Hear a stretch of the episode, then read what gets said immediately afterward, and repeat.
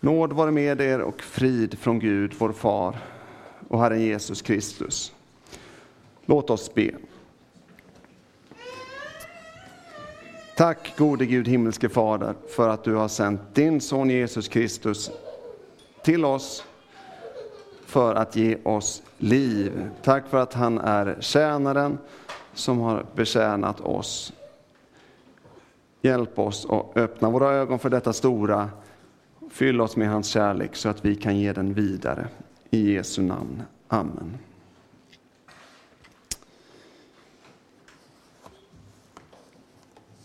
Jag har fått ett ämne att tala om utifrån skriften, utifrån Johannes evangeliets femtonde kapitel och 8 vers. Och det är ju en kort predikotext får man säga då, en vers endast. Och nu ska vi se här.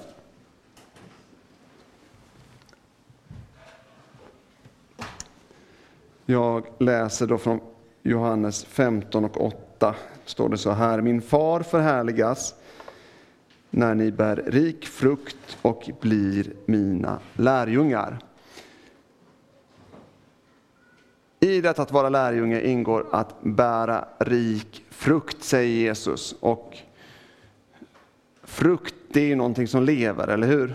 Att bära frukt handlar om att vara med och ge liv vidare. Att frukt, det är någonting som lever. Att bära frukt, det handlar om att vara med om att ge liv vidare. Och jag kommer inte tala så mycket om mission, att ge livet, andligt liv vidare till människor på andra sidan gränsen, nationsgränsen, folkgränsen, språkgränsen eller vad det nu kan vara. Jag kommer mer att tala om att ge en annan typ av liv vidare utifrån detta. Och då har då kallas detta för diakoni. Att vara Jesu lärjunge handlar att, om att eh, tjäna. Ordet diakon, diakonein, har med att tjäna och betjäna andra. Så utifrån denna något röriga inledning så vill jag då ändå sätta fram tre saker jag kommer att tala om ikväll. Jag kommer att tala om Kristus som tjänaren, om oss som hans tjänare och var vi tjänar. Alltså jag kommer att tala om Kristus som tjänaren, om oss som tjänare och var vi tjänar. Så har du glömt allt annat, eller tappar du bort det längs vägen, kom tillbaka till de här tre sakerna. Kristus som tjänaren, oss som tjänare och var vi tjänar.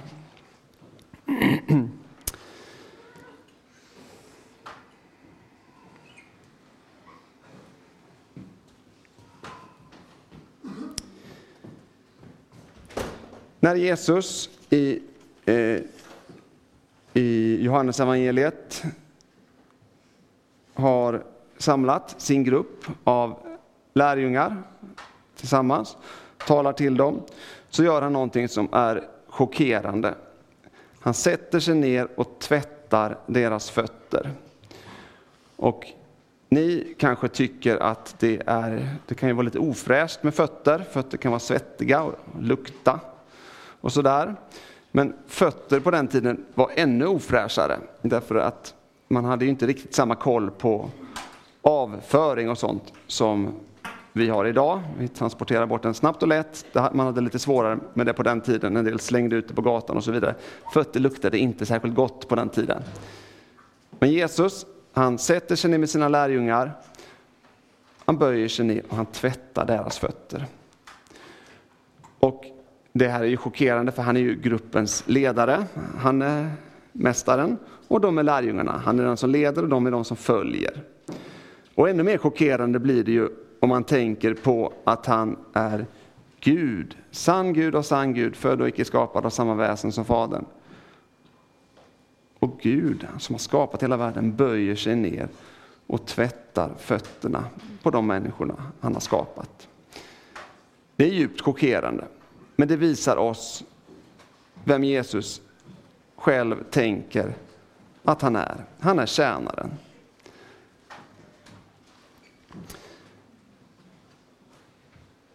Jesus säger i Markus evangeliet 10.45 Människosonen har inte kommit för att bli betjänad utan för att tjäna och ge sitt liv till lösen för många.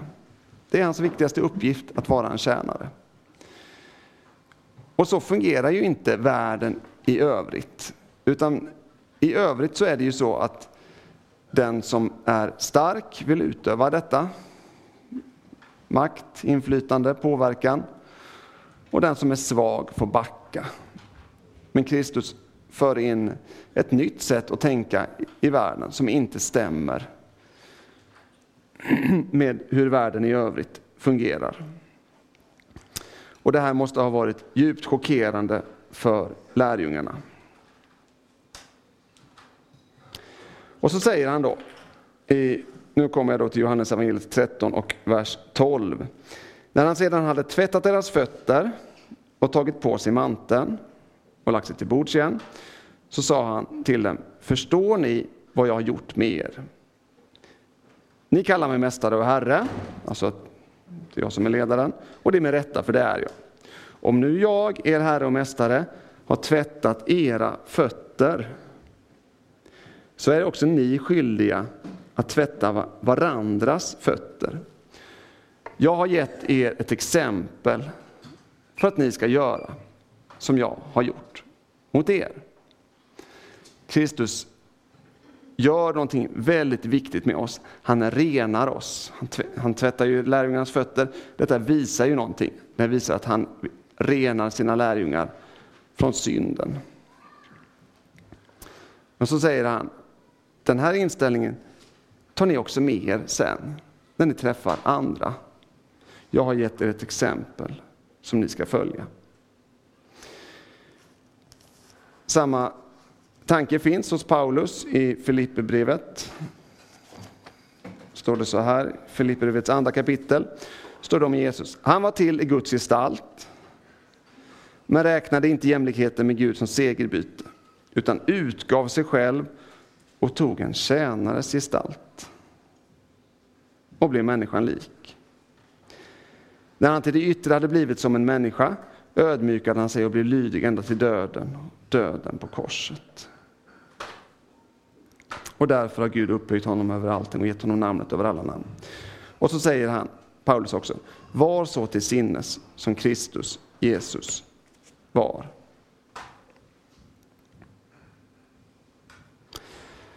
Och det, här är, det här är ju väldigt viktigt. Alltså för det första är det väldigt viktigt att detta är Kristus huvuduppgift, att vara en tjänare, att betjäna oss, att rena oss. Varför då? Jo, därför att det är det som definierar vår relation till Gud. Vi kan inte tjäna oss in i himlen, vi kan inte förtjäna oss en merit inför Gud. Vi kan inte med vårt arbete skapa poäng inför Gud, ha nytta av det inför honom. Utan vi kan bara ta emot. Ta emot det som Gud ger till oss genom Jesus Kristus. Han rättfärdiggör syndaren. Han förklarar honom rättfärdig på grund av det Jesus gör när han dör för oss. Men att vi är helt och hållet passiva i detta betyder inte att vi i vårt liv sedan ska vara passiva. Vi upphör inte att vara människor när vi en gång har blivit rättfärdiggjorda, utan fortsätter ju att leva här på jorden ett antal år. Och under det här livet så får vi ha då den korsfäste som ett föredöme och en förebild just i detta. Att se till andra, andras behov före våra egna.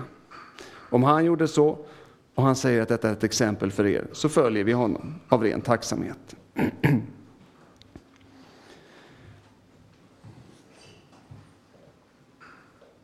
Man talar ju ibland om hur viktigt det är att man, att man ska få, få njuta av frukten från sitt eget arbete.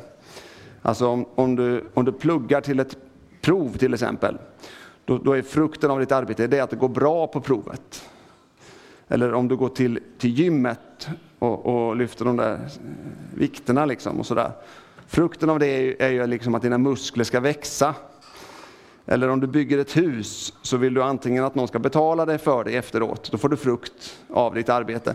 Eller att du själv ska få bo i det, då får du också en frukt av ditt arbete. Men vad gör Kristus med frukten av sitt arbete? Han ger bort den. Han som är Gud i mänsklig gestalt, han blir gjord till synd. Han blir förkastad av människor, han blir sviken av sina vänner, han blir överlämnad till sina fiender. Han dör på korset som en tjänare och frukten av detta, rättfärdighet från Gud, den ger han bort till oss gratis, fritt och förintet. Det är ungefär, för oss låter det lika logiskt som att man skulle plugga på provet för att någon annan skulle få bra resultat. Eller man skulle gå till gymmet för att någon annan skulle få stora muskler. Eller man skulle bygga sitt hus för att någon annan eh, skulle få betalt för det. Det, det, är liksom, det rimmar inte riktigt i vårt huvud. Men just detta är vad Kristus gör. Det är Guds logik, Guds ekonomi. Och den tanken bär vi med oss när vi får vara Guds tjänare här på jorden. Vi får vara Guds händer och fötter som det står i den här artikeln då, som jag syftade på i Till liv.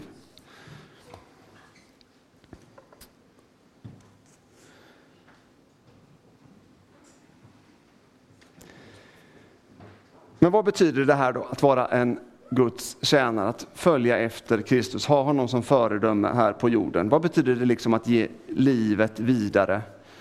Eh, Kristus ger oss liv, hur kan vi ge liv vidare och så vidare. Vad betyder det då här om vi nu är hans medtjänare? Ja, det finns ju en invändning mot det här. Den första invändningen mot det här det är ju liksom att jag har inte tid med det här. Eh, jag kanske är småbarnsförälder. Jag har ett jobb att sköta, jag har en församling eh, där jag får lägga ganska mycket tid på ideellt arbete och sånt. Jag har inte tid liksom med det här med att man ska hålla på och tjäna våra medmänniskor. Tänker du så, så just i invändningen där så har du ju faktiskt svaret. Gud har nämligen ordnat sin skapelse så att varje kristen, inte varje människa, men varje kristen befinner sig på just de här tre arenorna. Varje människa är, eh, varje kristen ska jag säga, varje lärjunge är på något sätt medlem i en familj. Antingen har man syskon eller föräldrar eller barn, eller fastrar eller mostrar eller syskonbarn. Eller vad På något sätt har vi någon slags familjeförbindelser. Varje kristen finns med i en kristen gemenskap, förhoppningsvis. Alltså det finns ju undantag, men nästan alla kristna finns med i en kristen gemenskap, Guds församling på jorden. Och vi är också samhällsmedborgare.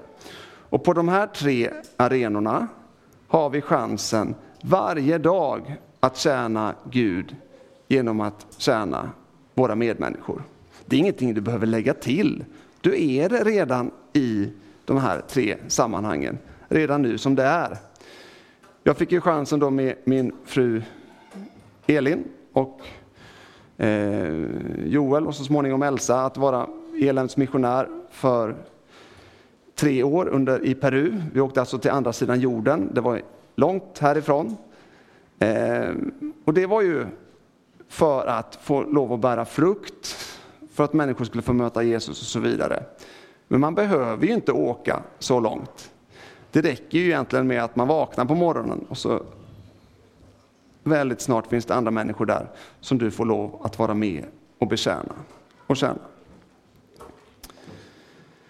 Och detta, att Gud har strukturerat världen så här, att Gud har strukturerat livet så här för kristna människor med, med familj, församling och, jag höll på att säga försörjning, men samhälle, familj, för, församling, samhälle. Det är en av de stora upptäckterna under reformationen. Och det är nästan så att den har blivit lite bortglömd idag. Man pratar inte så mycket om det. Men tittar man i lilla katekesen så ser man att efter de här fem eller sex delarna i lilla katekesen så dyker det upp något som heter hustavla. Hustavla.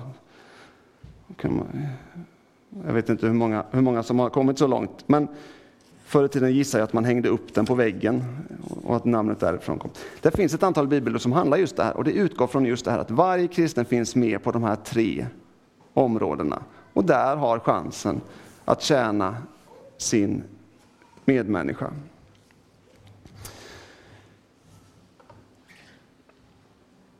Vad är då nytt i det här? Okej, om jag redan nu finns i de här tre sammanhangen, vad tillför egentligen då den här undervisningen? Vad, vad, vad är det man lägger till då egentligen? Ja, det man kanske kan lägga till, det är väl det här att när du går in i de här uppgifterna, alltså när du går in i din roll som storebror eller lilla syster, din roll som son eller dotter, din roll som eh, kusin eller, eller liksom så. När, när, när du finns där i den rollen, då ska du tänka på andras bästa, inte ditt eget. Var så till sinnes som Kristus Jesus var. Han njöt ju inte frukten av sitt eget arbete utan gav det fritt. Gör du likadant, alltså det du redan gör, gör det med tanken att detta gör jag för att tjäna Gud och min medmänniska. För att älska Herren och för att älska min bror eller syster, min mamma eller pappa, min son eller dotter.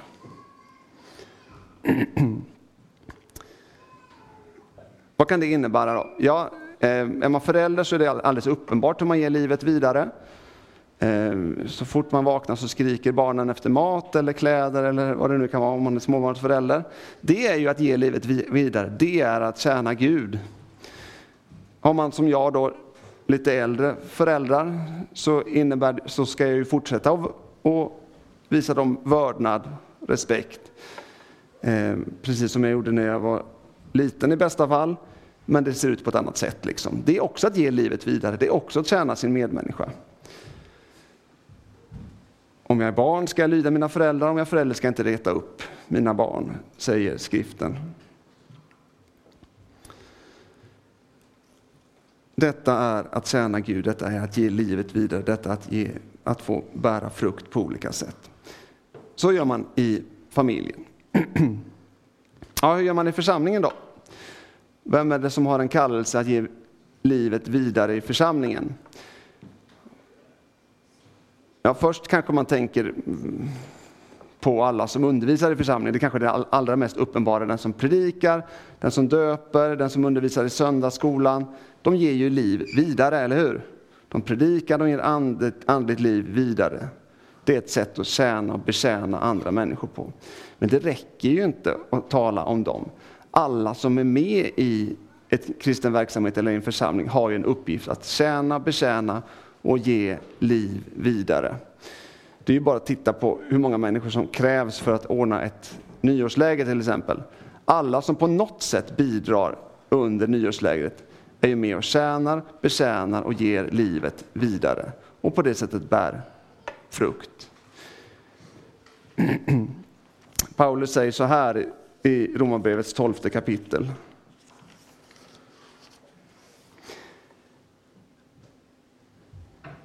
Och då talar han till församlingen då i Rom. Älska varandra uppriktigt, avsky det onda, håll fast vid det goda.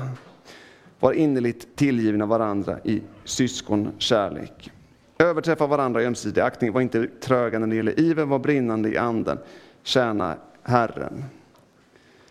Var glada i hoppet, tåliga i lidandet, uthålliga i bönen. Allt detta är ju med och bär livet vidare. Allt detta är med och ser till att det bär frukt, arbetet i Kristi församling. Slutligen då, om detta, om detta är att tjäna Gud och tjäna sin medmänniska i familjen och församlingen så vill jag säga någonting också om försörjningen eller om att tjäna Gud i samhället. Jag jobbar ju också som en lärare på en eh, grundskola i Helsingborg. Och ibland får man ju frågan, vad tjänar du som lärare? Och då borde jag ju egentligen svara, eh, jag borde svara, jag borde inte svara alldeles för lite. utan jag, vilket händer, jag, utan jag borde svara, jag tjänar mina elever, jag tjänar mina kollegor, jag tjänar skolan, skolledningen. Jag tjänar de, betjänar de människorna som finns runt omkring mig. Det är vad jag borde svara. Därför att det är så Gud ser på den uppgift jag har som lärare. Vi har tyvärr i det svenska samhället tappat ganska mycket av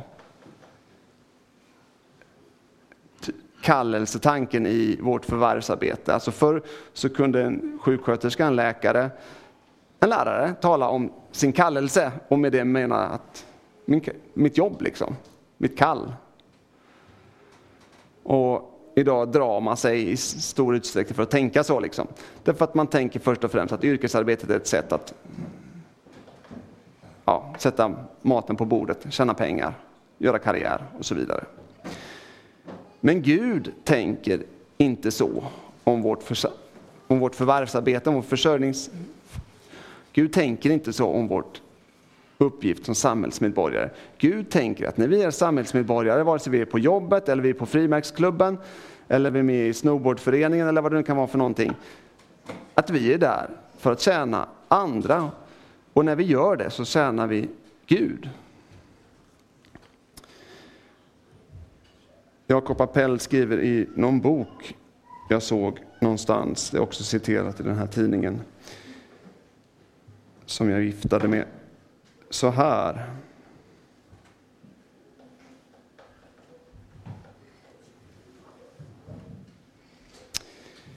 Och det är väl ett Luther, en sammanfattning av Luthers syn på kallelsen och hur, hur man bär frukt. Till kallelsen hör såväl hushållsarbete som yrkesarbete, såväl att odla tomater i trädgården som att leda sina barn i aftonbön.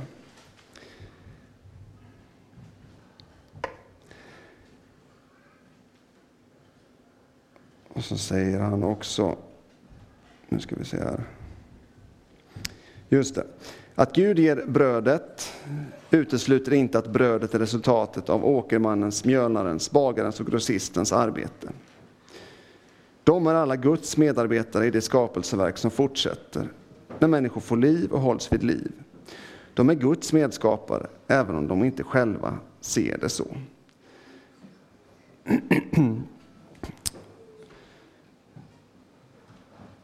när vi kämpar på med våra kallelser, när vi kämpar på med våra uppgifter att tjäna, så är detta ganska tröttande ibland. Man kan bli trött av att ha en grinig storebror eller en otacksam lilla syster. Man kan bli trött på sina föräldrar, på sina barn, på sina släktingar. Man kan bli trött på människorna i sin församling. Man kan bli trött på folket som är på jobbet. Och man frestas ibland att knäppa sina händer och be Gode Gud, ge mig kraft i detta. Och det är ju en bra bön.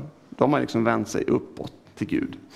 Men ännu bättre än att be så är att be Gode Gud, öppna mina ögon så att jag ser att min lilla tjänst är en del i din stora tjänst för mänskligheten. För när jag ser det så fylls mitt arbete, min tjänst, hemma, på jobbet, i församlingen, då fylls den med mening, då fylls den med glädje. Då står jag ut med både det ena och det andra och det tredje. För jag vet att jag tjänar inte mig själv, utan genom att tjäna min medmänniska så tjänar jag Gud. Detta är hans verk och han ska ha äran för detta. Så sammanfattningsvis, Kristus är den främste tjänaren i Bibeln.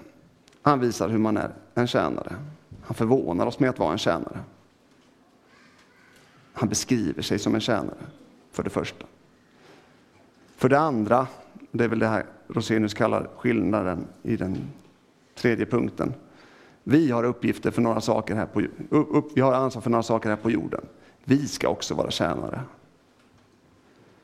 Och när vi tjänar varandra så tjänar vi ytterst sett Gud. För det tredje, vi gör, vi utför den här tjänsten. I familjen, i församlingen, som samhällsmedborgare. Och när vi gör detta så får vi med vår lilla, lilla tjänst vara med i Guds stora omsorg om mänskligheten. Och detta blir då en tjänst och ett arbete som är människan till med, medmänniskan till hjälp och Gud till ära. Amen. Låt oss be.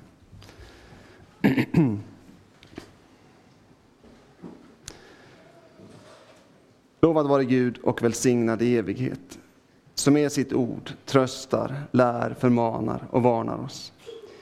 Helige Ande, skriv ordet i våra hjärtan, så att vi inte blir glömska hörare, utan varje dag växer till tro, hopp, kärlek och tålamod intill tidens slut och blir saliga. Amen.